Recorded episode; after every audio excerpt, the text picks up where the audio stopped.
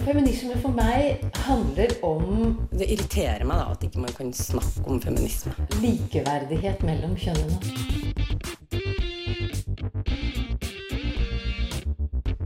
Det blikket på kvinnen på film. Det handlet om å bli tatt på alvor som jente.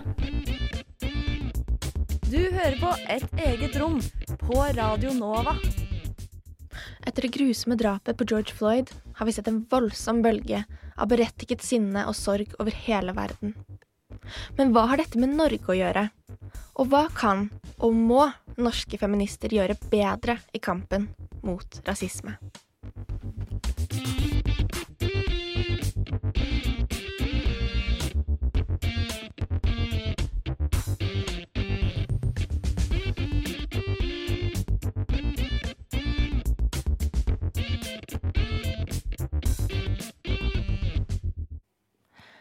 Hei, og velkommen til Et eget rom, Radionovas feministiske program. Jeg heter Andrea Berg, og sendingen du hører på, den skal handle om hvordan rasisme kommer til uttrykk i den norske konteksten, og hva vi kan gjøre bedre i den antirasistiske kampen.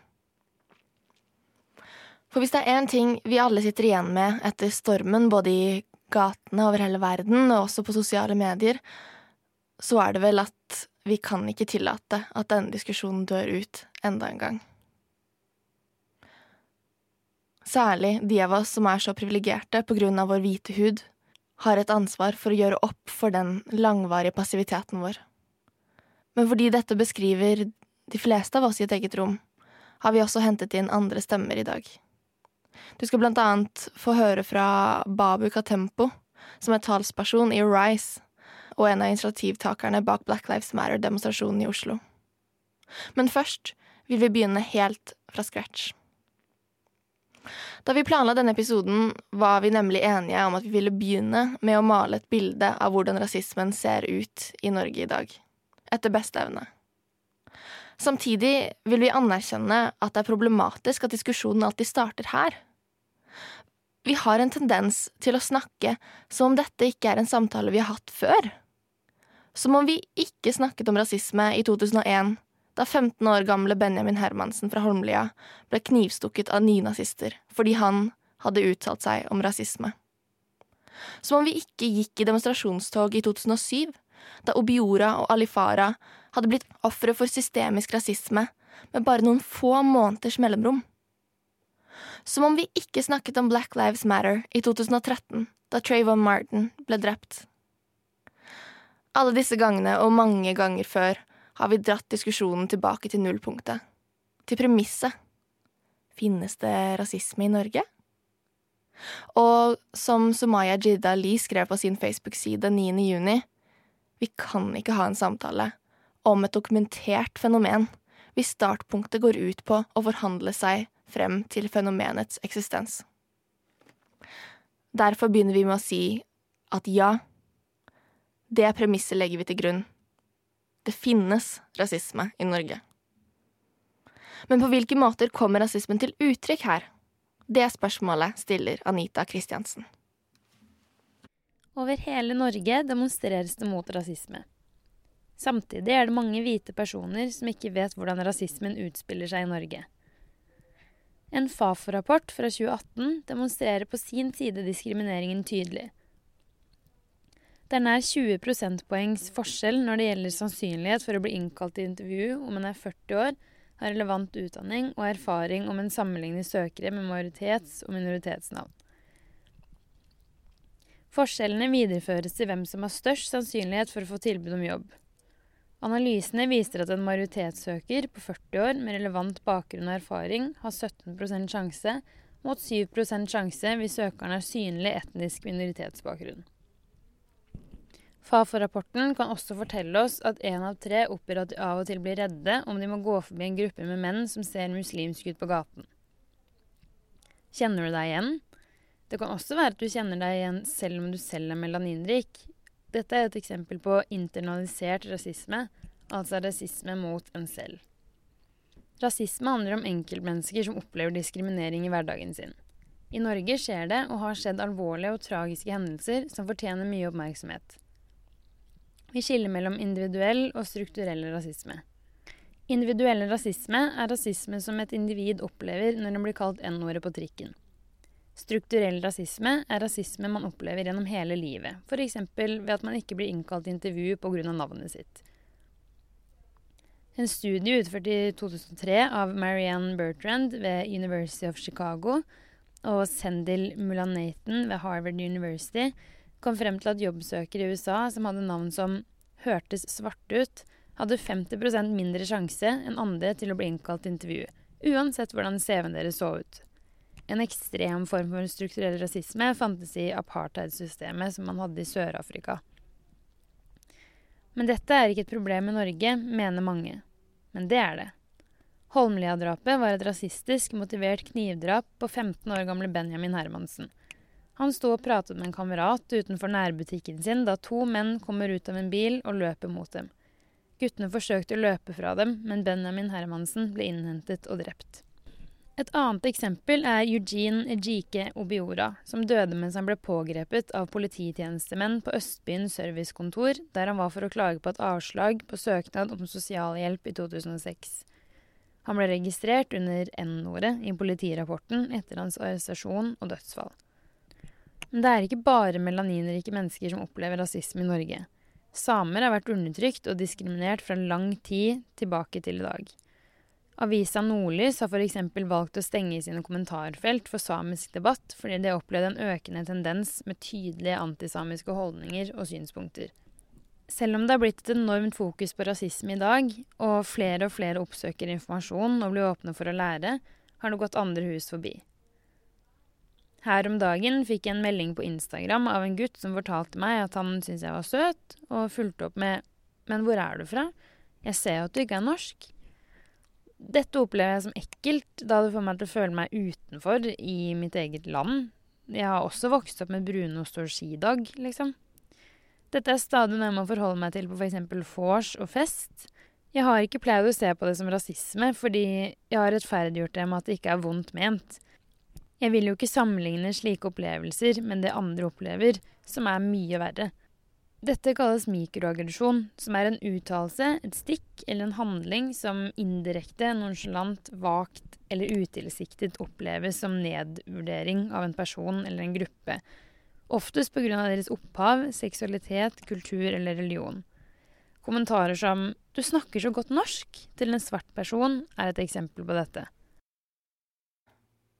Det var Anita Kristiansen som fortalte om mikroaggresjonene hun har fått i innboksen. Er du i tvil om noe du har tenkt å si er en rasistisk mikroaggresjon? Still deg selv spørsmålet ville jeg sagt dette til en hvit person. Er svaret nei? Drop it.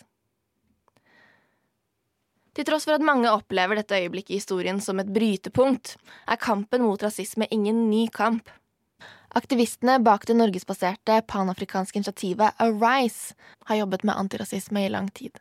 Aida Korami har snakket med deres talsperson. I dag har vi med oss talsperson for Arise og en av initiativtakerne bak demonstrasjonen, Babu Katempo. Velkommen. Tusen takk. De siste ukene har det jo vært eh, mange demonstrasjoner eh, og protester i USA, og også her hjemme i Norge. Eh, vil du fortelle litt om hva som førte til denne situasjonen? Det som er eh, jeg vil nok si er en sånn uh, utløsende, uh, faktor da, for uh, demonstrasjoner og opptøyer som vi har alle vært vitne til. ikke bare her i Europa, men i USA og mange andre land, blant annet til og med såpass langt, langt unna som i Japan. Det må nok være den um, altså arrestasjonen da, av George Floyd som dessverre nok endte, opp, uh, uh, altså endte med at uh, George Floyd ble rett og slett uh, lynsja midt i åpen gate, liksom midt på dagen, med folk rundt, mange mennesker rundt, som kunne ikke makte å gjøre noe annet enn å bare se på. Og noen filma, selvfølgelig. Og den brutaliteten og den um, rett og slett uh, umenneskelig uh, gjerning som mange mennesker var vitne til. Uh, kanskje det Jeg vil nok si det er det som er utløsende faktor. Og uh, ikke minst det faktum at kort tid etter at George Floyd ble drept, så var det veldig sånn Eller myndighetene var veldig trege med å adressere det, eller å reagere, eller å finne på en måte til um, uh, løsning, da, for å kunne liksom holde de som var ansvarlig, um, til ansvar. Så det førte til at mange mennesker selvfølgelig ble veldig, veldig, veldig, veldig sin sinna. Uh, og uh, dessverre nok så uh, var det ikke noe som for noen da var nytt i den forstand at en svart mann blir, ble liksom drept. Men for mange det var kanskje det man kaller for um, uh, Altså at ja, det var liksom nok, da. Ja. Sånn The cup run, run, run over, eller noe sånt, ja, kan man si. Mm. Ja, uh, og da har vi også hatt uh, protester i Norge. Um, rasisme i Norge i dag, hvordan ligger vi an anno 2020? Altså, rasisme er en veldig slitsom sak, synes jeg, å prate om. Det er eh, ikke noe som på en måte er lett å sette ord på.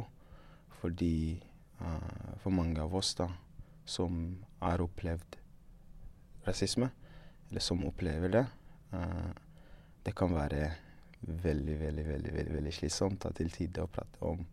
Og ofte det kan være fordi man føler ikke seg hørt, eller uh, at uh, det er noe som kanskje man kan ikke Eller det kreves, da, at man må bevise nesten til de grader hvor uh, på en måte troverdigheten vår settes på um, Eller på en måte tviles på.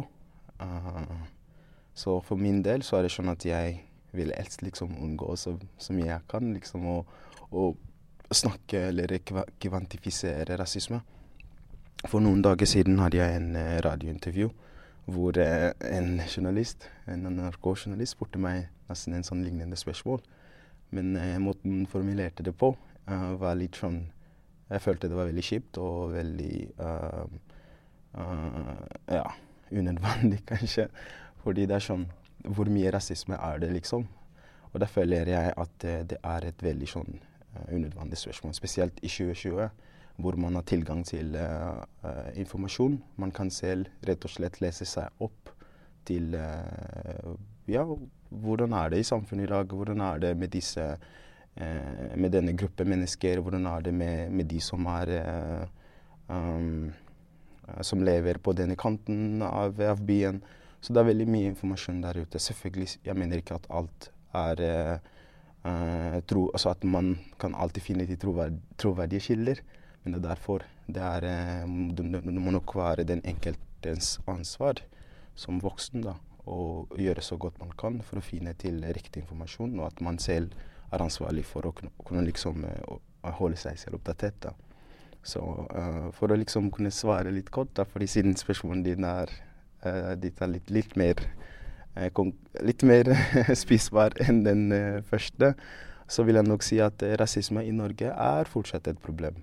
Som det er også i USA, som det er generelt sett nesten overalt i verden hvor uh, du er uh, mennesker med uh, ja med ulike bakgrunn, spesielt steder hvor man har kanskje hatt en sånn lang historie med, med utnyttelsesstrukturer som kan være et resultat av den lange altså europeiske eh, imperiale eh, virksomhet da, som på en måte varte i ganske mange år. Så rasisme har jo vært uh, noe som er uh, uh, preget veldig mange samfunn.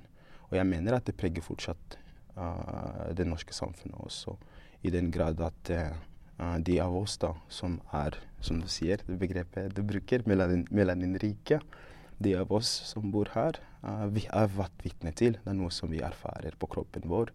Jeg forstår at det er veldig mange som uh, kan tvile på, på, det, fordi de selv ikke går i denne kroppen som vi går gjennom. Men realiteten for oss er jo en realitet hvor vi møter veldig mange ulike hindringer og utfordringer som rett og slett kan bare spores tilbake til det faktum at uh, for noen uh, hundre år tilbake så ble vi ikke sett på som mennesker på like linje med alle andre. Jeg sier ofte at jeg er ikke, jeg er ikke interessert i, i, uh, i å være uh, antirasist mer enn jeg er interessert i å myndiggjøre svarte mennesker. For det mean, that's my primary objective. Det er å bygge uh, oss og fokusere på det faktum at vi er et folk som ofte, historisk sett, uh, er uh, opplevd å bli undertrykt pga. den kulturarven eller den, uh, det faktum at vi tilhører eller vi kommer fra, det, fra kontinentet. Og da er det veldig viktig at jeg på en måte legger litt mer arbeid i å myndiggjøre oss og gjøre oss sterke, slik at vi kan imotstå whatever som på en måte blir kastet til oss. Uh, så det på en måte blir en sånn sekundær uh, fokus for meg, da. Å jobbe for å uh, opplyse eller å og, og, bidra i den forstand at de som kanskje er litt nysgjerrig på å vite litt mer, på å komme seg ut av den bobla, kan få den informasjonen. Så da vil jeg nok si at vi kanskje trenger ikke lenge å snakke om rasisme, med mindre eh, kanskje vi får betalt for det. det er et emosjonelt krevende, fysisk krevende ikke sant, uh, arbeid. Ja. Um, og så er det sånn at um, det med å fokusere på rasisme i, um, i media og det å diskutere det, det går litt i bølger. Mm basert på hvilke, hvilke f.eks. videoer som dukker opp. Ja. Hvordan kan vi nå sørge for at uh, dette blir uh, en langvarig effekt og en langvarig diskusjon? Dette Dette er en kollektiv uh, kamp.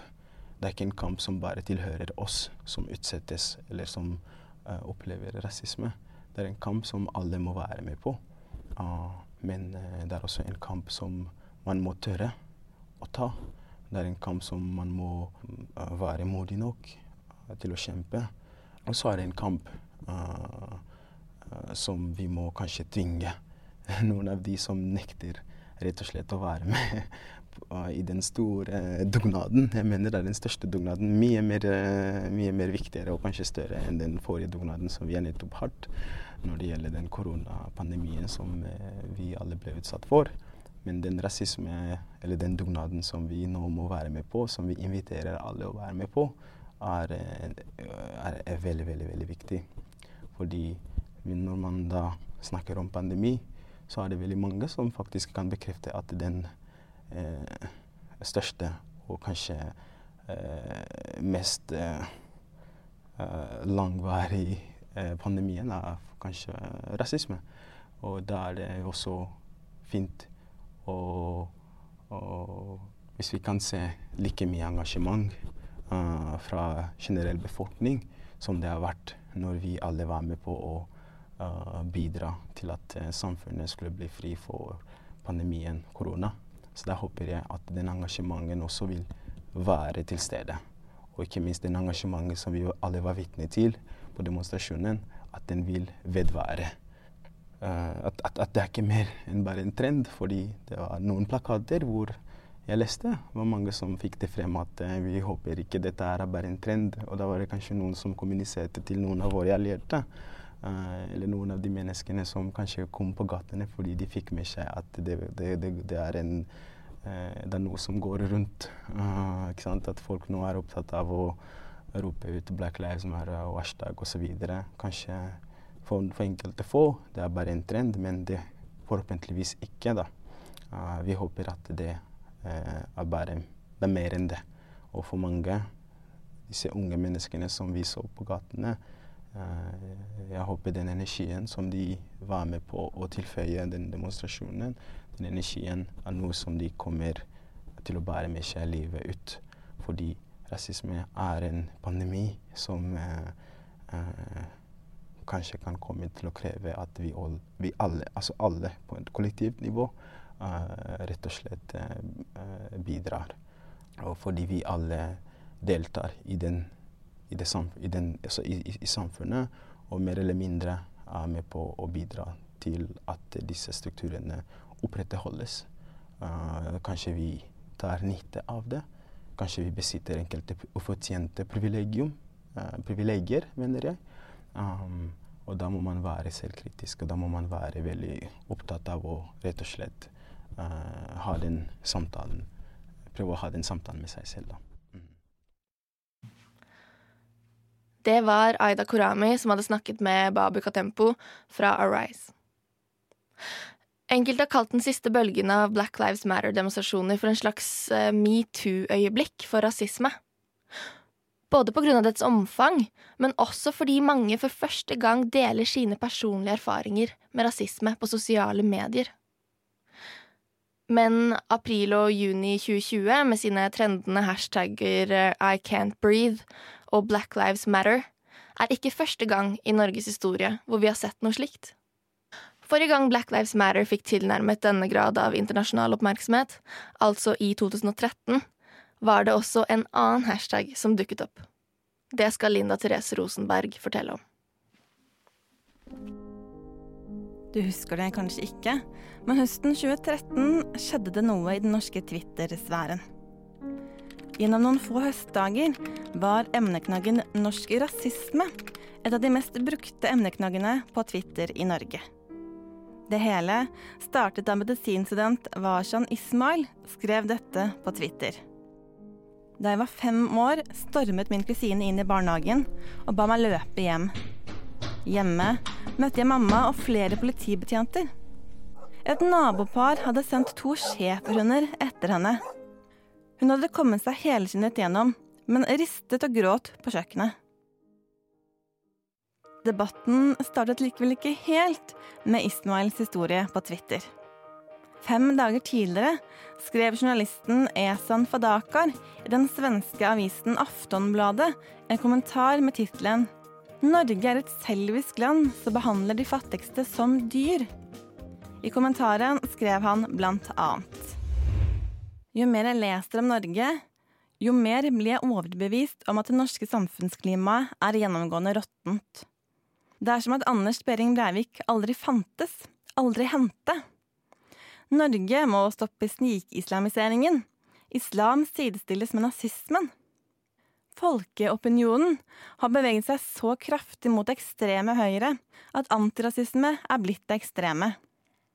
Alt virker å handle om å bevare den norske kulturen, hva nå den er verdt.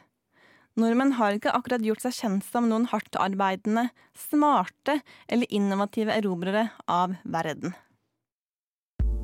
Kommentaren til Fadakar førte til mange reaksjoner og massiv kritikk. I etterkant uttalte han selv i et intervju.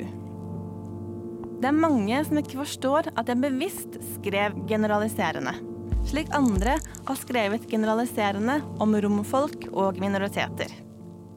Man ser ikke rasismen før man selv får den i ansiktet. I et intervju med Aftenposten omtalte Ismail kommentaren til Fadakar som drøyt, ensidig og usaklig. Men hun påpekte også at det ikke førte til noen ordentlig diskusjon om rasismen som eksisterer i Norge. Når man diskuterer rasisme i Norge, er det alltid fra et majoritetsperspektiv, forteller hun i intervjuet. Derfor var det også et behov for å belyse den rasismen hun selv har følt på og opplevd. Og hun var ikke den eneste som fikk et behov for å fortelle om egne historier. En samfunnsfagslærer forklarte en gang at Afrika ikke var noe særlig før europeerne kom. Dansende huleboere, smilte hun. At same brukes som skjellsord. Og hvis du ikke syns det er greit, får du høre at du har hårsår faen, det er ikke rart at du ligner på en ape. Faren din er jo neger.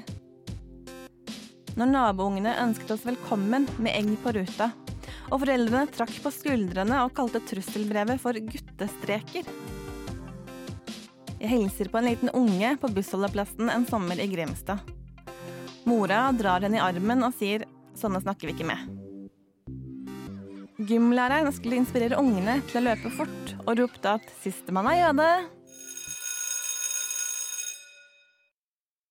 Emneknaggen norsk rasisme varte ikke så lenge i 2013. Og historiene som ble delt, virket å bli fort glemt.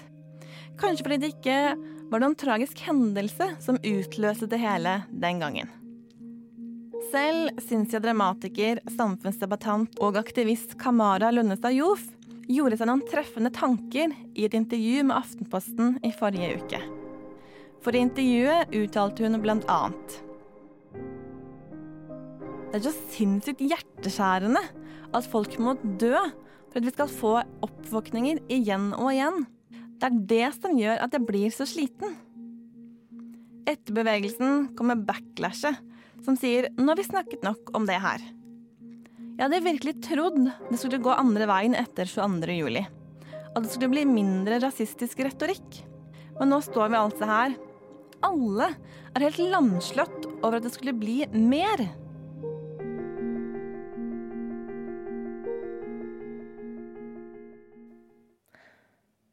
Ja, hvordan kunne dette skje? Hvordan kunne et land bli mer rasistisk og ikke mindre av et sjokk som 22. juli? Man skulle nesten tro det var en del av måten landet vårt er bygget på. Katrine Oppheim har skrevet om dette. Det er Hanna Seth Johnsen som leser. Mange norske kommentatorer har beskrevet Black Lives Matter-bevegelsen som ultraamerikansk og advart mot å importere en debatt fra USA. Det skremmes med polarisering, politisk korrekthet og amerikanske tilstander. Det er riktig at Skandinavia har en annen kulturell kontekst, historie, og at rasismen her sjelden tar like voldelige uttrykk som i USA. Men hva er implikasjonen av den kritikken? Blir den brukt til å berike debatten, eller til å avfeie erfaringene til marginaliserte grupper? Mange norske kommentatorer har beskrevet Black Lives Matter-bevegelsen som ultraamerikansk og advart mot å importere en debatt fra USA. Det skremmes med polarisering, politisk korrekthet og amerikanske tilstander. Det er riktig at Skandinavia har en annen kulturell kontekst, historie, og at rasismen sjelden tar like voldelige uttrykk som i USA. Men hva er implikasjonene av denne kritikken? Blir den brukt til å berike debatten, eller til å avfeie erfaringer til marginaliserte grupper? Her er noen forslag til hva man kan gjøre om man er redd for amerikanske tilstander, eller skal diskutere med noen som bruker et slikt stråmannsargument. 1. Lær om skandinavisk kolonial fortid og samtid. Debatten den blir bedre om vi legger til grunn for skandinaviske forhold. Da har vi som en del av majoritetsbefolkninga et ansvar for å kjenne vårt samfunn og videreføre kunnskap gjennom skolesystemet og ellers. Her er noen eksempler på hull i læreplanen. Sveriges nasjonalhelt Carl Lind er kjent som grunnlegger av taksonomien, eller kategorisering innenfor biologifaget. Et annet av hans ideer som fikk stor betydning, det var inndeling av menneskeheten i seks raser. Denne vitenskapen ble svært populær i sin samtid, særlig siden systemet åpenbart var vridd til fordel for den europeiske rase. Det er viktig å forstå at rasismen ble oppfunnet så seint som på 1700-tallet for å forstå betydningen av hvit overmakt og rasismen som et system i dag. Rasesystemet ble brukt av europeiske kolonimakter for å rettferdiggjøre sine erobringer og undertrykkelse av andre folkeslag. I 250 år hadde Danmark-Norge karibisk koloni, først gjennom et dansk handelskompani og deretter underlagt den danske kongen. Økonomien i dansk Vest-India var kun basert på slavehandel. Nesten 100 000 slaver ble transportert med norske og danskeide skip over Atlanteren. Sverige koloniserte hele fem områder i Afrika, Asia og Nord-Amerika. Skandinaviske land har i aller høyeste grad deltatt og tjent på utnyttelse av andre folkeslag og landområder i rasismens navn. Koloniseringa av Kalalit Nunat, eller Grønland, og Sápmi, eller samenes land, skjedde med rasistiske begrunnelser. Rasebiologi var et svært populært forskningsfelt i Skandinavia fram til andre verdenskrig. Universitetet i Oslo besitter samiske hodeskaller, som i all hovedsak kommer fra plyndrede samiske graver, noen så sent som i 1958. Urfolk ble i hele verden utsatt for den vestlige vitenskapens blikk, som beskrev dem som primitive og usiviliserte. Da samenes land skulle deles inn i nasjonalstater, ble de utsatt for knallhard rasisme og forsøk på assimilering i Norges fornorskning. Ingen kjenner det egentlige omfanget av skaden som blir gjort, siden ingen offentlig granskning har vært utført for noe. Sannhets- og forsoningskommisjonen skal legge fram sin rapport først i 2022. Punkt to. Vær med på å utvikle et norsk ordforråd rundt rasisme. Debatten kan føres importert og fremmed når det brukes mange fremmedord. Hvit overmakt høres ekstremt ut, men er en helt grunnleggende forutsetning for rasismen i dagens samfunn. Uttrykket det betyr rett og slett at hvit hud er på toppen i hierarkiet. Det skandinaviske tabuet rundt rase har gjort at vi mangler et godt språk rundt fenomenet, og må importere ord og begreper, særlig fra engelsk. For å forberede dette bør vi lytte til dem som snakker ut om sine egne erfaringer på rasisme på norsk, og lære av deres språkbruk. Ved å utvikle et godt språk rundt rasisme på norsk, vil debatten også være mer presis for norske forhold. Punkt 3. Engasjer seg som antirasist. Når man har lært om norsk kolonihistorie, strukturell diskriminering og individuell rasisme, må man bruke kunnskapen til å gjøre en forandring mot urettferdighet. Når man har lært om norsk kolonihistorie, strukturell diskriminering og individuell rasisme, må man bruke kunnskapen til å gjøre en forandring mot urettferdighet. Senere i sendingen kommer flere råd om hvordan dette kan gjøres i norsk kontekst. Det er viktig å huske at man kan ha to tanker i hodet samtidig. Man kan støtte bevegelsen i USA, samtidig som man kjemper den antirasistiske kampen tilpassa det norske samfunnet. Kjære alle dere som er redd for amerikanske tilstander. La oss skape en bedre kamp mot rasismen, ikke fornekte at den finnes. Det var Katrine Oppheim som hadde skrevet om Skandinavias kolonihistorie. Og det ble lest av Hanna Seth Johnsen. De samiske hodeskallene som Katrine refererer til, ligger på Domus Medica, det medisinske fakultetet til Universitetet i Oslo. Det finnes i dag over 900 samiske levninger i samlingen, og ifølge universitetet er alle disse navnløse individer. Universitetet drev med ran av samiske graver i over 100 år, fra midten av 1800-tallet til midten av 1900-tallet. Huler, graver, urgraver eller andre hellige plasser, både fra førkristelig og kristelig tid, ble ranet for hodeskaller, helt frem til 1958 i Norge. Samiske graver ble også utsatt for dette i Finland og i Sverige. Og urfolk i andre land har opplevd lignende ting i den såkalte raseforskningens navn. Man ønsket bevis på at det fantes overlegne raser innenfor menneskerasen, og søkte dette ved å måle og veie hodeskaller fra forskjellige folkegrupper. Hypotesen var selvsagt at hvit var best. I flere land, som Tyskland og Sverige, så har man begynt å levere skjelettene tilbake. Men også i Norge.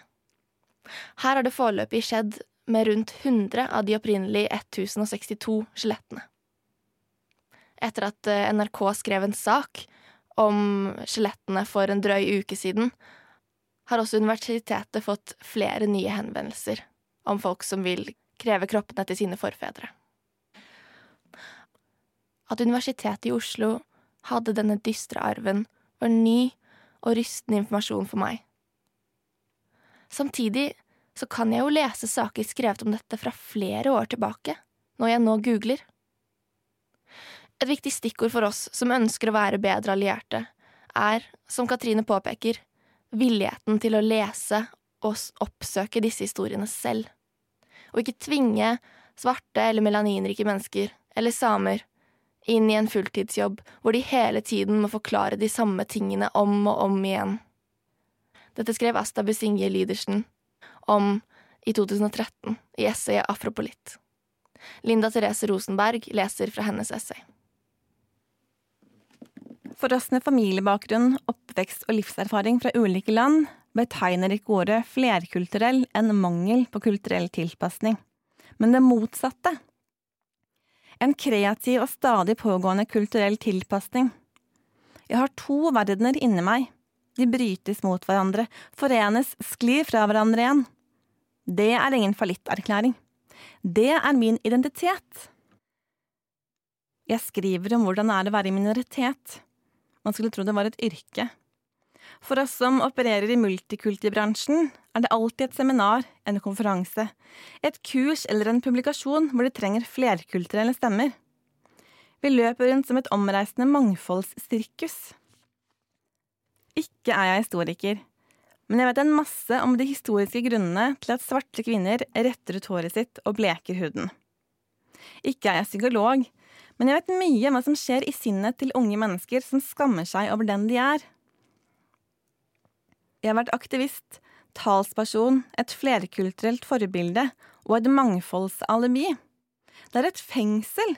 Jeg er et mangfoldsgissel, kan ikke unnslippe min egen hud, mitt eget hår og de andres blikk. Hvem er jeg? Er jeg mitt hår? Er jeg min hud? Kan jeg velge å være en annen inni denne huden, under dette håret? Jeg er både et afrikansk barn og en norsk voksen. Når den ene gråter, gråter den andre. De to er uatskillelige, udelelige. Den ene kan ikke eksistere uten den andre. Oslo 1996. Mitt eget hjemland forteller meg at inngangsbilletten til norskheten ikke bare handler om språk og kulturelle koder, felles referanser og verdier. Det handler også om utestenging av mennesker fra andre verdensdeler. Retten til å definere og sette andre i bås, og en tro på at alt norsk er bedre enn alt annet. Jeg opplever meg utestengt av det nasjonale fellesskapet og er derfor i konstant opposisjon. Mitt moderland har forrådt sitt eget barn, og jeg er derfor i krig med henne til hun vil vedkjenne seg meg, hele meg. For at det norske voksenhjertet i meg skal klare å slå, må det afrikanske barnet i meg få puste. Førde 2010 Da jeg var ung, hadde jeg problemer med å kalle meg norsk. Alle spørsmålene om hvor jeg egentlig kommer fra, alle påpekninger av min forskjellighet, alle de nedlatende antagelsene om Afrika og afrikanere. Alt som plasserte meg utenfor norskheten. Men tiden har gått. Norge er et annet nå. Det er i møte med engasjerte norske ungdommer i byer og bygder jeg skjønner det. Mitt lille land har plass til meg også. Teksten Linda leste, besto av fem korte utdrag fra essayet Afropolitt, utgitt av Aschhaug i 2013. Essay er en del av serien Stemmer, i forbindelse med 100-årsjubileet for kvinners stemmerett. Fredag den 5. juni demonstrerte tusenvis av nordmenn mot politivold og rasisme. Blant mine venner oppsto det en diskusjon på forhånd om hvilke utrop som det var passende for oss å delta i i demonstrasjonen. Var det eksempel greit å løfte hånden i et Black Power-symbol? Eller rope I can't breathe, når det jo ikke gjelder for oss? Og hva med plakatene våre? Hva skulle vi skrive på dem? Løsningen ble et plakatverksted på Godt Håp på Grønland. Der fikk jeg snakke med personen bak initiativet.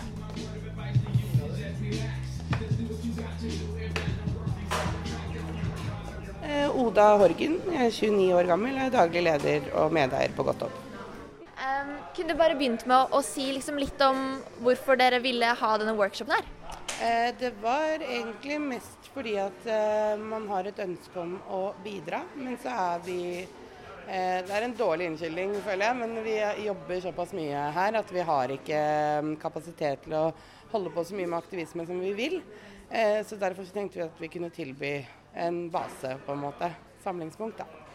Så det, det var tanken bak det. Og så var det det at jeg fikk mye meldinger på Facebook og på privaten om at folk eh, lurte på om man skulle gå sammen, om vi skulle lage postere sammen. Og det virket som at det er ganske mange som er, eh, er nervøse for å gå alene, f.eks. Eller ikke vet hva slags poster og bannere de skal lage. Så da tenkte jeg at det var fint å, å, å invitere til at man kan komme hvis man har lyst til det, da. Tror du det handler om at vi har liksom kanskje ikke så mye tradisjon med å marsjere og demonstrere så mye, eller hvor, hvorfor tror du folk er nervøse? Eh, ja, jeg tror det er pga. nettopp det. Hvis du ikke er, uh, har vært aktivist uh, fra du var ung, så er det ganske vanskelig å vite hva, hva, man skal skrive på skiltene, hva man skal si, hvordan man skal organisere seg, uh, hva som er greit og hva som ikke er greit. Så, så, det er litt viktig, og det er også viktig å kunne nå ut til folk og informere om f.eks. provokatører som kan komme under en demonstrasjon og prøve å hisse opp stemningen, at man skal holde seg rolig. Og rett og slett føles det tryggere hvis man har et samlings- og informasjonsbase, da. Nå sa du jo bitte litt om det, men kan du si litt mer om hva slags type råd du, du gir til folk når de kommer og er litt nervøse? Eh, på en demo, eller her? Ja, denne, denne demoen? Eh, det er vel mer eh, bare at det er viktig å holde seg rolig hvis det skulle være hissig stemning.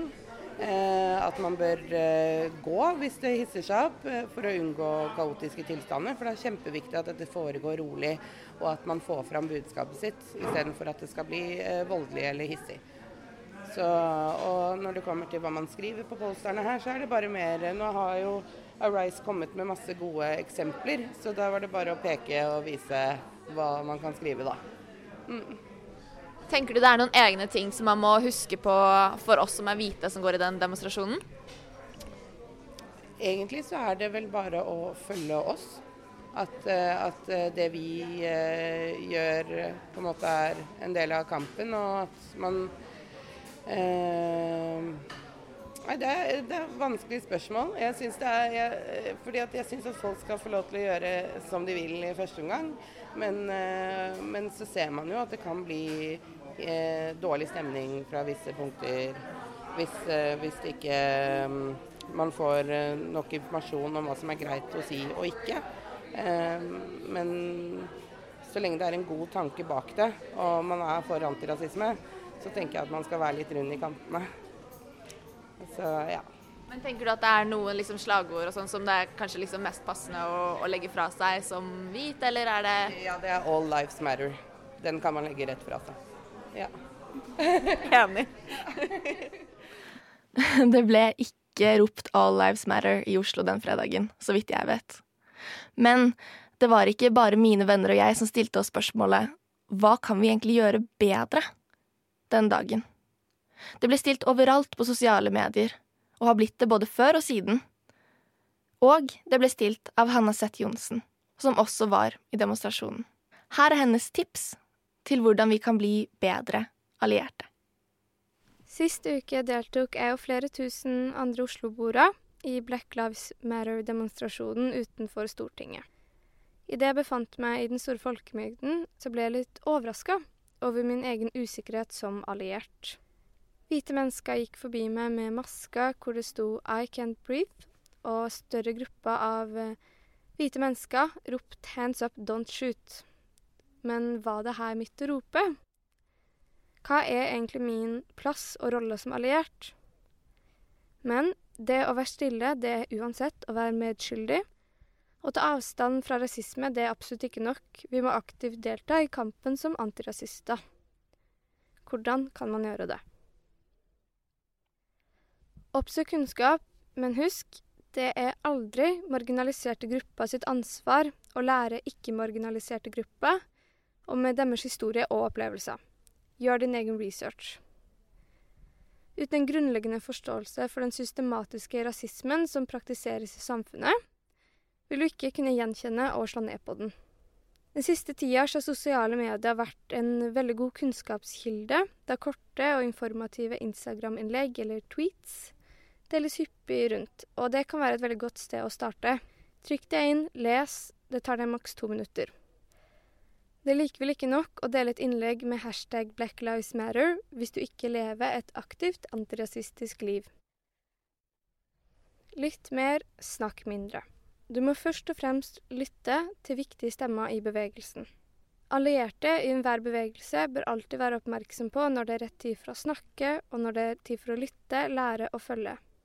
Hvis du snakker med en kollega, venn eller kjæreste, lytt til hva de sier, framfor å kvalifisere deres erfaring basert på din egen.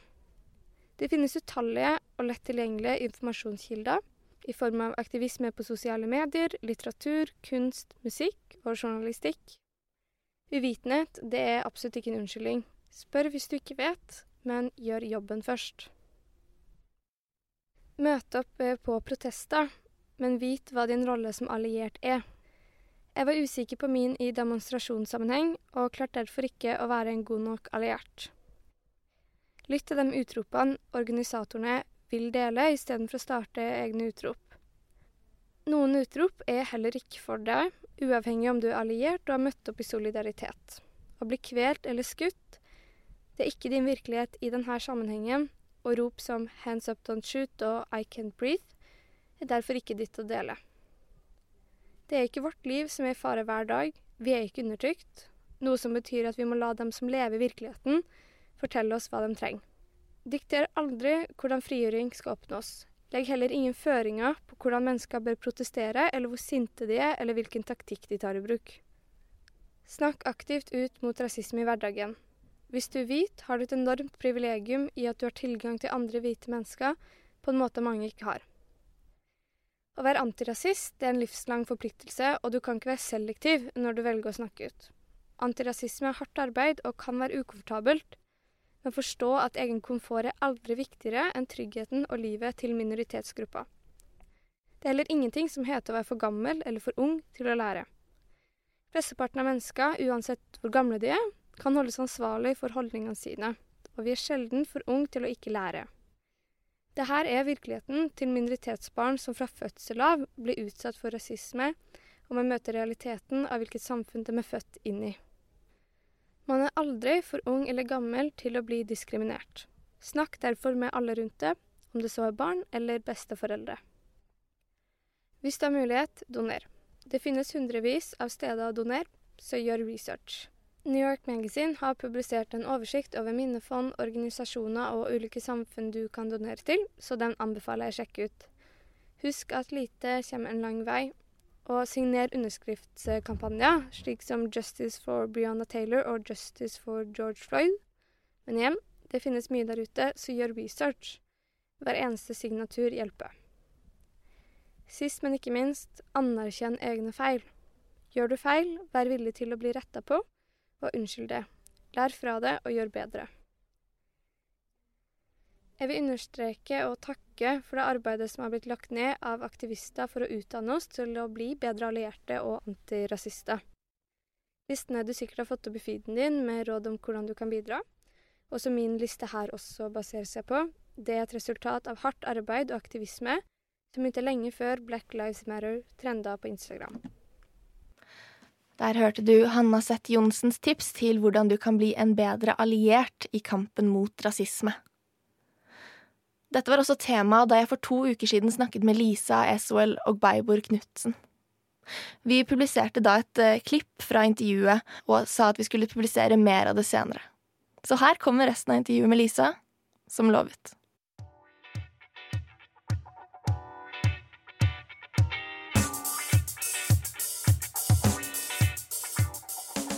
Et eget rom. Et eget rom. Et eget rom. Et eget rom. Et eget rom på Radio Nova.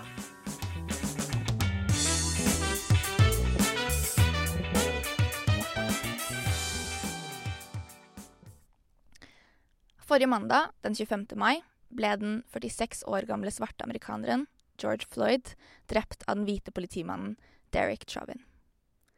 I dagene som fulgte, hjemsøkte videoen hvor den hvite politimannen presser kneet sitt mot strupen til Floyd oss på sosiale medier. Det var grusomt å se, men aller verst har det vært for de som er vant til å oppleve rasisme, og som vet at under andre omstendigheter kunne dette vært dem, en slektning av dem, eller noen de er glad i. På torsdag skrev Lisa Esoel Ogbeibor Knutsen og Stina Ile Amankwa en kronikk i VG hvor de tar opp nettopp dette poenget og ber oss om å slutte å dele videoen. Vi har vært så heldige å få besøk av en av kronikkforfatterne her i et eget rom i dag. Velkommen til deg, Lisa. Um, hvordan har du det nå? Ja, takk. Uh, jeg har det ganske bra, uh, vil jeg si. Um, har, uh, har, vært litt sånn fullt kjør de siste dagene. Det er jo alltid det når man, når man engasjerer seg i noe og skriver en kronikk, så blir jo det mye henvendelser og mye snakk om det.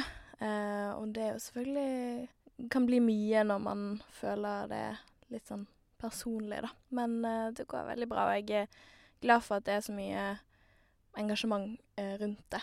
Selvfølgelig. Mm. Ja, det gir mening. Jeg er veldig glad for å ha det her. Uh, og jeg ble veldig beveget av kronikken til deg og Stina. Hvis det er greit for deg, kan du begynne å fortelle om hvordan du hadde det da du så videoen dukke opp i feeden din første gang? Ja. Eh, det var jo på Jeg tror det var på onsdag jeg så det først. At det ble delt på både Twitter og på Facebook. Og da tenkte jeg med en gang eh, liksom at uh, herregud, det var ikke lenge siden dette, dette skjedde, og uh, nå skjer det igjen. Og jeg husker at jeg ikke uh, Altså, jeg leste på en måte hva som skulle skje i videoen, og da tenkte jeg at uh, dette orker ikke jeg å se. Uh, men så dukket jo bildet opp, og på en måte videoen uh, ofte begynner bare å spille av seg sjøl når man scroller på Facebook. Um, så man blir jo på en måte konfrontert med det um, ganske mye når det blir delt rundt. Og um, jeg husker jo på en måte Dagen min gikk jo bare til å tenke på det og Ja, det var Det er ganske sånn man, man blir jo veldig sånn beveget av det, og eh, merket jo at eh, brystet blir tettere, og du liksom bare Humøret bare går til helvete, på en måte, da. Det er ikke, det er ikke gøy å på en måte bli minnet om så sterkt at uh, dette fortsatt skjer. Så ja, det var mye, mye følelser, og det var ikke en veldig, veldig god dag. mm. Ja, det, det, skjønner jeg veldig godt, og særlig etter å ha lest eh, kronikken. For der, der, skriver dere jo også at det er annerledes å se disse videoene som en svart kvinne. Um, kan du si litt mer om det? Ja, altså det handler jo om at uh, du kan ikke møte en person som er rasifisert, og på en måte ikke få uh, svar om at man har opplevd noe, da. Um, mange har opplevd uh, måte, vold som følge av uh, rasisme og disse ideene som er i alle oss da. Uh, men også ord kan jo være vold. Um, og det på en måte Det å se så grafisk en som du identifiserer deg med, en som du vet Altså, folk ser på på oss på samme måte. Um, selv om det er forskjeller mellom å være en svart mann i USA og en måte, blandet uh, kvinne i Norge. Det er forskjell, men vi deler mange av de samme uh, markørene og, og identiteten, da. Så man begynner jo å tenke på det man sjøl har opplevd, og man blir konfrontert med at det kan skje, skje meg også. og og, eh, og, folk som du er glad i, selvfølgelig. Uh, så det er jo på en måte Det blir veldig fort uh, veldig personlig når man ser sånne ting. Um, Hva slags type opplevelser er det du opplever som svart kvinne i Oslo i hverdagen? Kan du si litt om det? Ja. Um, altså, det er jo uh, heldigvis mye som, som ikke um, er altså direkte for Altså folk som uh, skal være stygge uh, for å være stygge. Um, men det er jo eksempel de små tingene som at uh, du er på T-banen og noen liksom tar litt, liksom tar litt ekstra på veskene sine, eller på en måte liksom blikk og litt litt sånne ting. Og selvfølgelig det å gå på byen, for eksempel, er jo Blir jo fort eh, en opplevelse, og du er hele tiden på en måte bevisst på at nå kan en fulltulling rope N-ordet til meg, og altså Eller komme med en kommentar. Eh, så det er ikke bare liksom når det skjer, men også at man er bevisst på at nå kan nå er jeg utsatt, på en måte eh, som gjør at man eh, går rundt med å være bevisst på det hele tiden. Og være bevisst på at når du går inn i en butikk, så må man kanskje være litt, litt mer forsiktig. Og ja, det, det er mye som, som, andre ikke ser, men som, som er følelser man går rundt med og kjenner på, da. Så eh, de mer ekstreme handlingene vi ser på video og bilder og vi leser om, er jo konsekvenser av den samme rasismen som vi finner overalt, og også i Norge. Eh, så jeg er veldig, veldig glad for at f.eks. politiet her ikke bærer våpen normalt, eh, og har en mye lengre utdannelse. Um, men det er helt klart at det finnes andre typer uh, politivold som um, i veldig stor grad rammer mennesker på, på østkanten i, i Oslo, f.eks. Og uh, jeg har hatt uh, måtte, ja, venner som har fortalt meg at politiet ber de Og da er det gjerne en gjeng med svarte menn, da. Eh, at politiet ber de ikke samle seg i grupper, eller på en måte roe seg ned. Um, og det er Det handler jo mye om at man man ser på Man ser gjennom et rasistisk verdensbilde hvor man har tanker om at svarte mennesker er um, mer aggressive eller eh, andre negative karaktertrekk som henger igjen. Mm, eh, som man også ser i Norge. Jeg tror at mange av oss sitter nå med en, en følelse av at um, at vi er på et, sånn, et slags sånn point of no return. Um, eller jeg, jeg, vet ikke om det føles sånn nå, eller om det liksom alltid føles sånn når de tingene her skjer, og, og internettet blir rasende, da. Um, tror du det stemmer at vi liksom At vi er i et historisk øyeblikk nå? Og hva, hva tror du skal til for at det varer, da? At det blir noe At det blir permanent forandring ut av det? Eh, ja, det er jo veldig, veldig vanskelig og stort spørsmål. Um, jeg tror jo Hvis man ser uh, på historien, da, så, så, ser vi nå at måte, teknologi er jo et um, måte, et vendepunkt hvor eh, nå har man Altså, det samme skjedde før også. Eh, men nå har man på en måte Nå dokumenterer man det, og man har på en måte eh, i gåsetegn bevis på at det skjer. Eh, men vi har jo også alle disse drapene som har fått samme type medieomtale, samme type reaksjoner. Så vi har Eric Garner, vi har Tamir Rice vi har, Altså, det er mange som har fått de samme eh, reaksjonene på, på, det. Så det er jo på en måte eh, litt lett å tenke at dette også vil, vil, vil skje igjen. Eh, det kommer nok eh, dessverre til å skje igjen. Men man ser jo også at bevegelsene De blir jo større, og man ser at uh, uh, man gjerne får forandring, altså selv om det er sakte, så får man en mer Man snakker mer om det, og man får mer oppmerksomhet rundt uh, rasisme og, og, hva det betyr, osv. Men jeg tror nok man har en veldig lang vei å gå. Altså, vi kan jo bare se på, på en måte, for, hvordan folk stemmer, og hvordan hvem som sitter med makten. Det er jo store forskjeller, store ulikheter, og folk som sitter med mye makt, som eh, reproduserer rasisme hele tiden. Og det får jo man til å tenke at det, det går ikke nødvendigvis riktig veien.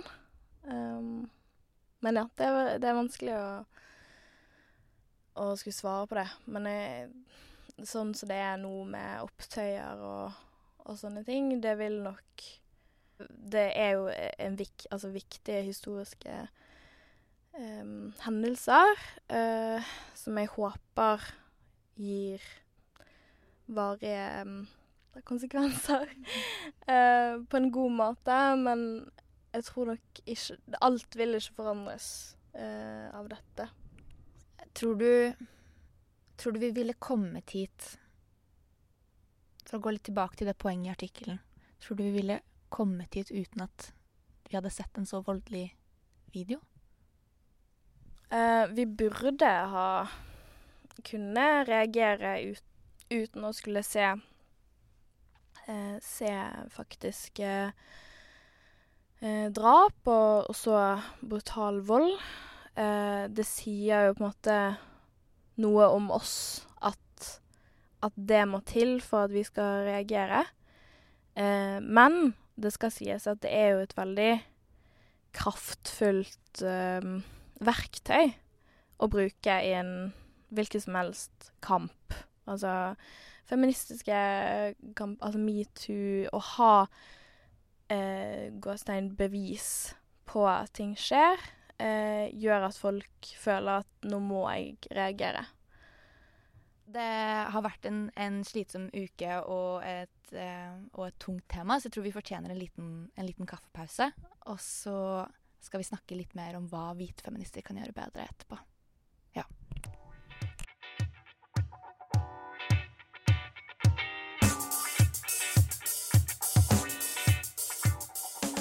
Et eget rom. Et eget rom. Et eget rom. Et eget rom. Et eget rom. På Radio Nova.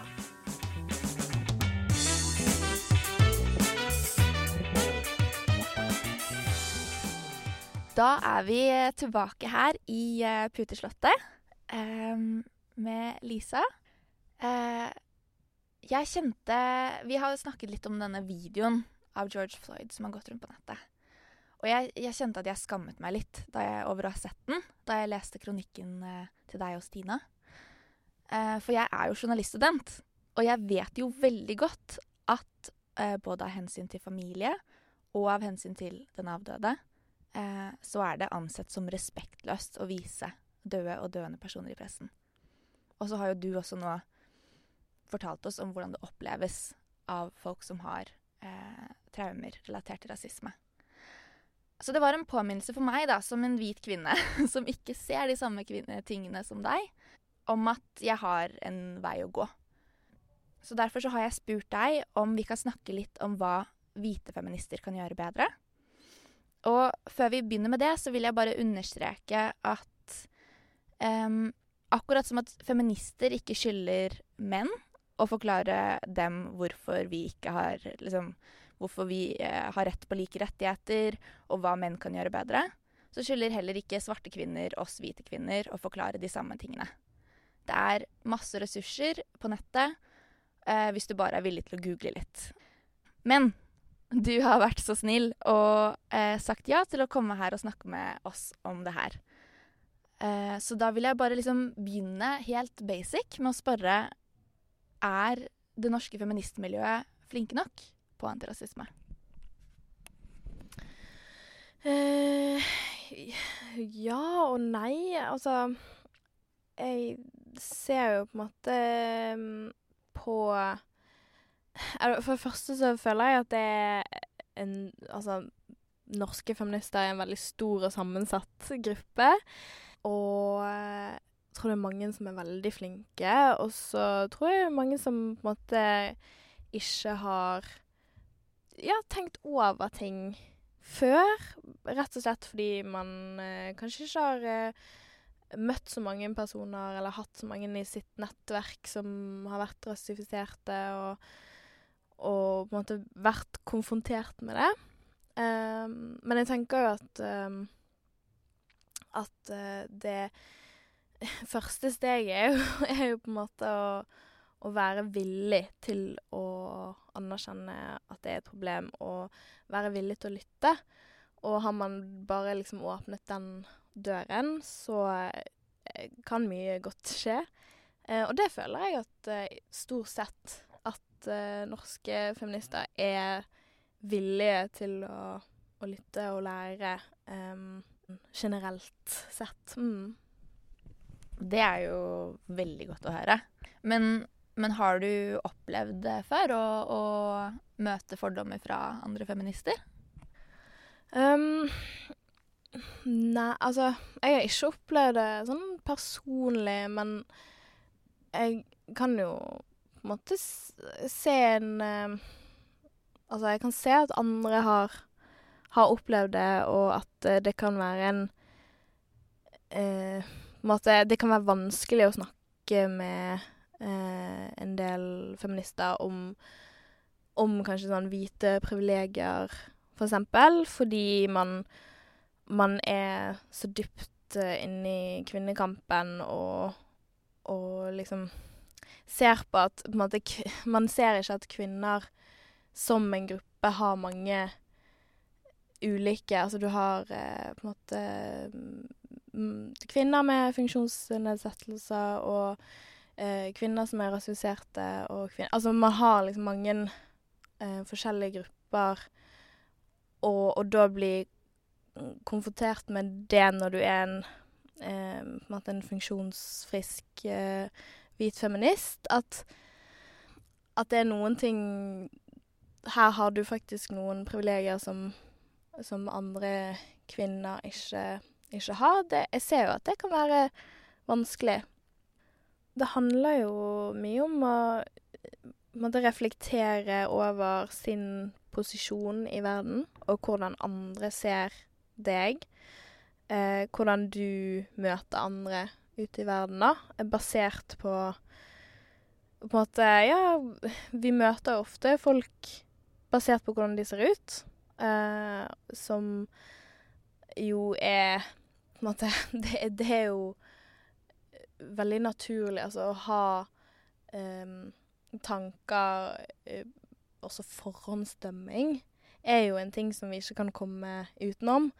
Men uh, problemet, eller det som man må tenke over, er jo hvor kommer disse måte, fordommene fra, og er de realistiske? Er um, måte, har jeg en måte, upper hand i dette møtet på noen måte, da. Um, og, og, hva liksom hva, hva, gjør jeg? Hvordan reagerer jeg når jeg møter mennesker som, ser, som ikke ser ut som deg sjøl? Uh, og der tror jeg mange har en vei å gå. For man vil jo tenke på seg sjøl som, som, en god person. Uh, man vil jo ikke tenke at, uh, at jeg er en person som diskriminerer andre. Men veldig fort så skjer det bare uten at man vet om det sjøl. Så derfor tenker jeg at det er noe alle må gjøre, altså meg sjøl inkludert, med, med, andre grupper i samfunnet som Jeg kan jo ta et eksempel, da. For eksempel Altså, jeg har um, på en måte ikke noe sånn funksjonsvariasjoner som gjør at jeg Det er noen ting jeg ikke kan gjøre. Eksempel at uh, jeg har uh, muligheten til å, til å gå uh, uten hjelpemidler og, og gå turer og jogge og, og slike ting, og komme inn i bygninger. Men det er veldig mange som ikke har mulighet til å gjøre det, og som på en måte møter hindre eh, bare ved å gå på bussen. Eh, og sånne ting er jo Det er veldig lett å ikke tenke over det, men som er veldig viktig å, å tenke over hvis vi, hvis vi, skal ha et likestilt samfunn, da. Ja, at det er liksom noe med at når noe er et privilegium, så er det bare normalt, på en måte. Helt til du hører at noen andre har hatt en annen opplevelse, liksom. Ja, eller sånn Noe jeg uh, bruker ofte når, jeg, når folk kommer til meg og sier at uh, ja, jeg er hvit, men det betyr ikke at jeg har et fantastisk liv. Eh, og så er på en måte svaret der at nei, det Altså, alle har utfordringer. Eh, det er ikke garantert at man har et fantastisk liv eh, fordi man er hvit, men du møter ikke på de utfordringene som Altså, det, det er noen hindre man ikke har. Det det, det er mer det, liksom man, eh, man mener når man snakker om privilegier, da. Ja, det er på en måte sånn Hvis livet ditt Hvis du har møtt mye motgang, så er det ikke pga. hudfargen din. Mm. Tror du det er noen ting kanskje folk som ikke er engasjert i antirasisme, misforstår, da? Eh, med den kampen, og, liksom, og med sin plass som en, som en privilegert person, eh, en hvit person, eh, i den kampen? Um, Ja, altså hvis vi snakker om misforståelser um, Jeg tror jo kanskje noen misforstår Det handler jo mye om liksom hvordan folk har sett på feminister også opp gjennom årene. At man tror av en eller annen grunn at det handler om at man skal eh, At kvinner skal liksom puttes over menn, eller at liksom eh, måte Når man sier at 'black is beautiful', at det er liksom Da skal man prøve å, å liksom dytte ned noen andre, men det handler jo ikke om det. Det handler jo om at måte, vi har vurdert menn mye sterk... Altså, i verdi så har vi vurdert menn mye sterkere eh, enn kvinner, og derfor må man på en måte reise, reise eh, høyne opp kvinnen og eh, For å skape en bare likestilling, rett og slett. Og det samme med at uh, man har sagt at nei, white is beautiful hele tiden. Og da må man, må man si at nei, faktisk dette òg, på en måte. for å skape en likestilling. Så jeg tror mange kanskje misforstår at liksom kampen handler ikke om at man skal trekke menn ned eller trekke hvite folk ned, men man skal heller eh, gjøre noe vi ikke har gjort før, som, som er å, å på lage en Skape en likestilling, da, mellom ulike grupper. Det er jo et superstort spørsmål, liksom. Eh, og du har jo allerede svart litt på det. Men er det noe hvite feminister kan gjøre bedre? Det er ikke nok å ikke være rasistisk. Eh, man må også være antirasist. Eh, og det som ligger i eh, antirasisme, er jo også å anerkjenne den med at man, man, trenger ikke være ond for å være rasist, fordi det Jeg tror det er veldig mange som bare lener seg på den derre Ja, men jeg er ikke en ond person som eh, på en måte diskriminerer folk med vilje, og derfor er ikke jeg rasist. Um, og og det er, det er ikke nok, på en måte. Det er Man må aktivt uh, måte anerkjenne til seg sjøl at uh, når man lever i, den, i dette samfunnet, så, så, blir vi rett og slett lært opp fra media og fra uh, liksom bare historiebokbøkene og, og, alt det. At, at, det er noen mennesker i, i denne verden som, som eh, ligger på et høyere nivå. Eh, rett og slett bare av å se liksom, på hvem som spiller i filmer, og hvem som eh, er modeller, og hvem som eh, er rikest, og, og så videre, da.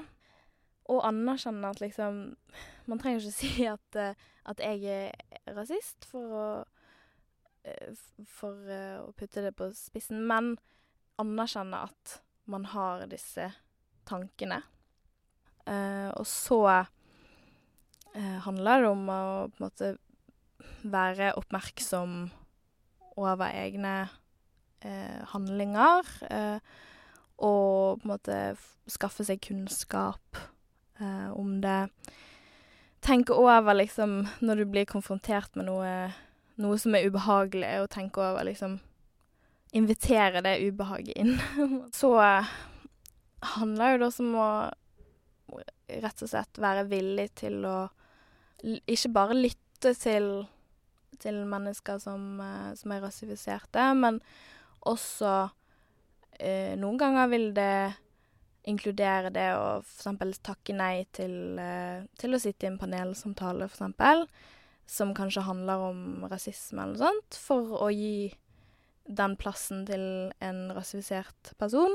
Um, noe som jeg ser på en måte fortsatt skjer, at liksom det er mange allierte som, som er hvite allierte, som er veldig flinke, som, som er eh, veldig, vil jeg si, veldig gode allierte, men som kanskje ikke er helt villige til å gi opp på en måte noe, eh, noe plass for, eh, for eh, Til fordel eh, for en rasifisert person. Og det tenker jeg også er liksom da, da er man på en måte den ultimate antirasisten når man er villig til å ta det steget, på en måte. Det var stemmene til Lisa Esoel Lugbeibor Knutsen og meg, Andrea Berg, som du hørte der. Å lese seg opp på rasisme kan kanskje virke som et eh, overveldende krav, med de enorme mengdene med informasjon som finnes der ute. Derfor så har Anita Kristiansen gjort det enkelt for deg, ved å lage en liten liste på fire filmer du bør se. Å se filmer, dokumentarer og serier som viser et bilde på rasisme i verden i dag, kan være en måte å opplyse seg selv på. Jeg som ikke er svart kvinne selv, får muligheten til å få et innblikk i hvordan verden oppleves fra en svart kvinnes ståsted. En personlig historie kan ofte gi et kraftigere inntrykk i en ren statistikk, da det er vanskelig å se personene bak alle tallene. Da jeg så filmen The Hate You Give for noen dager siden, fikk jeg et inntrykk av hvordan det er å føle at man må tilpasse seg ulike miljøer for å bli godtatt av andre, og hvor urettferdig det oppleves at andre har fordommer mot deg kun basert på hvordan du ser ut. Star Carter, hovedpersonen, føler at hun har ting hun må bevise i det hvite miljøet på skolen. Jeg vil anbefale The Hate You Give, der vi følger Star, som er en svart tenåring som balanserer livet i nabolaget hun kommer fra, med den hvite skolen hun går på, der hun føler hun må spille Star versjon 2. Når hennes barndomsvenn blir skutt av politimenn rett foran øynene hennes, kolliderer hennes to verdener. Hun jobber med å finne stemmen sin og prøver å forandre et urettferdig system. En annen film jeg vil anbefale, er filmen Selma fra 2014, som forteller en historie som har vært relevant siden 60-tallet og frem til nå. Borgerrettighetsforkjemperen Annie Lee Cooper ønsker å registrere seg for å kunne stemme i byen Selma i Alabama i 1964. Hun ble nektet av den hvite valgadministrasjonen. Det kulminerer i at Martin Luther King reiser til Selma med aktivistene Ralph Abernathy, Andrew Young, James Orange og Diane Nash. Ved hjelp av Malcolm X blir en protestmarsj fra Selma til Montgomery gjennomført. En annen viktig historie er filmen Four Little Girls, som er en dokumentar som forteller om 16th Street Baptist Church-bombingen i 1963, som førte til at fire unge jenter i alderen 11 til 14 år døde. Addie Mae Collins, Cynthia Wesley, Carol Robertson og Carol Denise McNair. Jeg vil også anbefale The Death of Martha P. Johnson, som er en dokumentar om livet og dødsfallet til Martha P. Johnson, som var en svart transkvinne som var en viktig aktivist i LHBT-miljøet. Da han ble funnet død i Hudson-elven i 1992, tenkte de som sto henne nær at det var et mord. Filmen forteller om hennes påvirkning i miljøet hennes og belyser urettferdigheten som svarte og transpersoner opplever til den dag i dag. Det var altså Anita Kristiansen sine tips til filmer du bør se. Så nå har du altså ingen unnskyldning lenger for å ikke skjønne hva dette handler om. En som eh, også kanskje burde sette seg ned og se et par av disse filmene, eller kanskje Netflix-dokumentaren 13th, som forklarer hvorfor så mange afroamerikanere fengsles hvert år, det er vår statsminister Erna Solberg. Aida har tatt en titt på hennes respons til demonstrasjon, frustrasjon og Twitter-storm. De siste ukene har det vært voldsomme opptøyer og demonstrasjoner i USA etter drapet på George Floyd. Demonstrantene har protestert mot politivold og rasisme, og det har spredd seg til land som Danmark, Tyskland, Canada og Palestina. Politikere og statsledere som Obama, Biden og Trudeau har ikke bare vist sin støtte til Black Lives Matter-bevegelsen, men han har også selv deltatt i demonstrasjonene. Men hvor er Erna? Da opptøyene eskalerte i USA, sa Erna til VG at minoritetsbefolkningen i USA er mer involvert i kriminalitet. Sitat. I alle våre land er det minoritetsgrupper som lider under covid-19, og land med mye dårligere sikkerhetsnett gjør at dette blir lettantent, kombinert med en lang historie for at politiet slår hardere ned på minoritetsbefolkningen enn andre i USA, rett og slett fordi de også har vært mer involvert i kriminalitet. Dette skapte debatt og kontrovers, og det ble reagert på mangelen på omtalelse av rasisme og den polit brutale politivolden som befinner seg i USA. Det ble senere rettet til at det blant annet er fordi de har vært overrepresentert på kriminalitetsstatistikken. Under selve demonstrasjonen kan man høre folkemengden etterlyse Erna Solberg. På Twitter har en bruker tagget Erna og skrevet Hei, Erna Solberg. Du var savnet i denne markeringen. Hashtag hvor er Erna? Her har statsministeren annet svart sitat Hvorfor etterlyser du meg? Syns du Norges statsminister skal gå i spissen for å bryte smittevernreglene? Tiden vi er nå, er ikke en tid for å sette egne ønsker foran felles sikkerhet. Sitat slutt. På Twitter uttrykker flere misnøye over uttalelsen. Blant annet går argumentene på at det er fullt mulig å støtte fra avstand om man ikke kan delta fysisk. En bruker sier, sitat, Jeg lurer på hvilken felles sikkerhet du prater om. Det finnes ingen form for sikkerhet før uskyldige mennesker kan forvente å ikke bli drept for å ha mørkere hudfarge. Som statsleder for et land som har de siste ti årene opplevd to terroraksjoner fra høyreekstreme, tyder det på at rasisme er et stort problem, også i Norge. Aktivister i Norge har derfor etterspurt en tydelig statsoverhode som tar klar avstand fra rasisme. På sin egen hjemmeside la Erna ut på dagen av demonstrasjonen et blogginnlegg hvor hun nevner at rasisme eksisterer i Norge, og gå gjennom regjeringens handlingsplan mot rasisme og etnisk diskriminering. I etterkant har en annen uttalelse fra Erna igjen skapt kontrovers.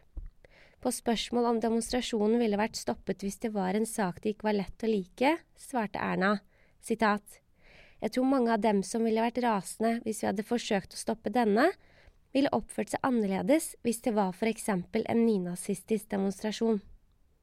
Dette utsagnet har igjen skapt store reaksjoner, spesielt på Twitter, hvor folk har stusset over at statsministeren sammenlignet antirasistene med nynazister.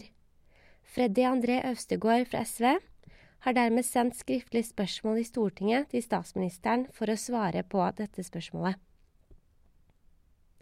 På tilsvar fra statssekretær Rune Alstedsæter svarer de Statsministeren har i mange intervjuer den siste uken snakket om rasisme som samfunnsproblem, og vist forståelse for at mange ønsker å markere motstand mot rasisme og politivold. Hun har også uttalt at hun selv gjerne kunne tenkt seg å delta fysisk på markering, men at dette ikke er riktig nå pga. smittevernreglene. Det var Aida Korami sin stemme du hørte der, og vi nærmer oss slutten på dagens sending. Hvilket vil si at det er på tide med ukens feministiske nyheter. Vi begynner i USA, hvor president Donald Trump har besluttet å fjerne en ordning fra Barack Obamas tid som president som beskytter transpersoner mot diskriminering når de benytter seg av helsetjenester. Vedtaket skal skrive om helsetjenestenes definisjon på kjønn tilbake til den snevre binære definisjonen om biologisk bestemt mann og kvinne, som ekskluderer transpersoners opplevelser totalt. Dette ble annonsert nøyaktig fire år på dagen etter terrorangrepet på utestedet Pulse, hvor 49 personer ble drept. Denne uken samlet 15 000 mennesker seg utenfor Brooklyn Museum og i solidaritet med svarte transpersoner, som på grunn av den doble diskrimineringen de opplever, rammes aller hardest.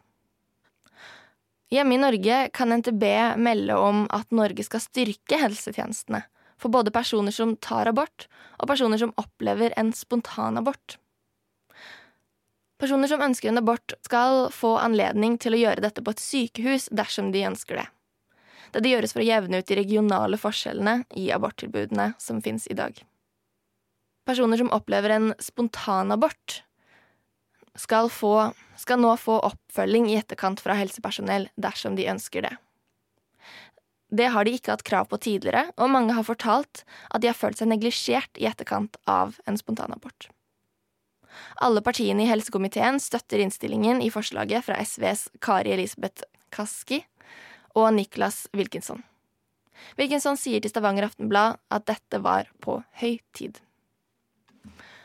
Til slutt sier talsperson i Grønn Ungdom, Theodor Bru, at ungdomspartiet ønsker å erstatte Oslos statuer av slavehandlere og kjente rasister med eksempel kvinnesaksforkjempere.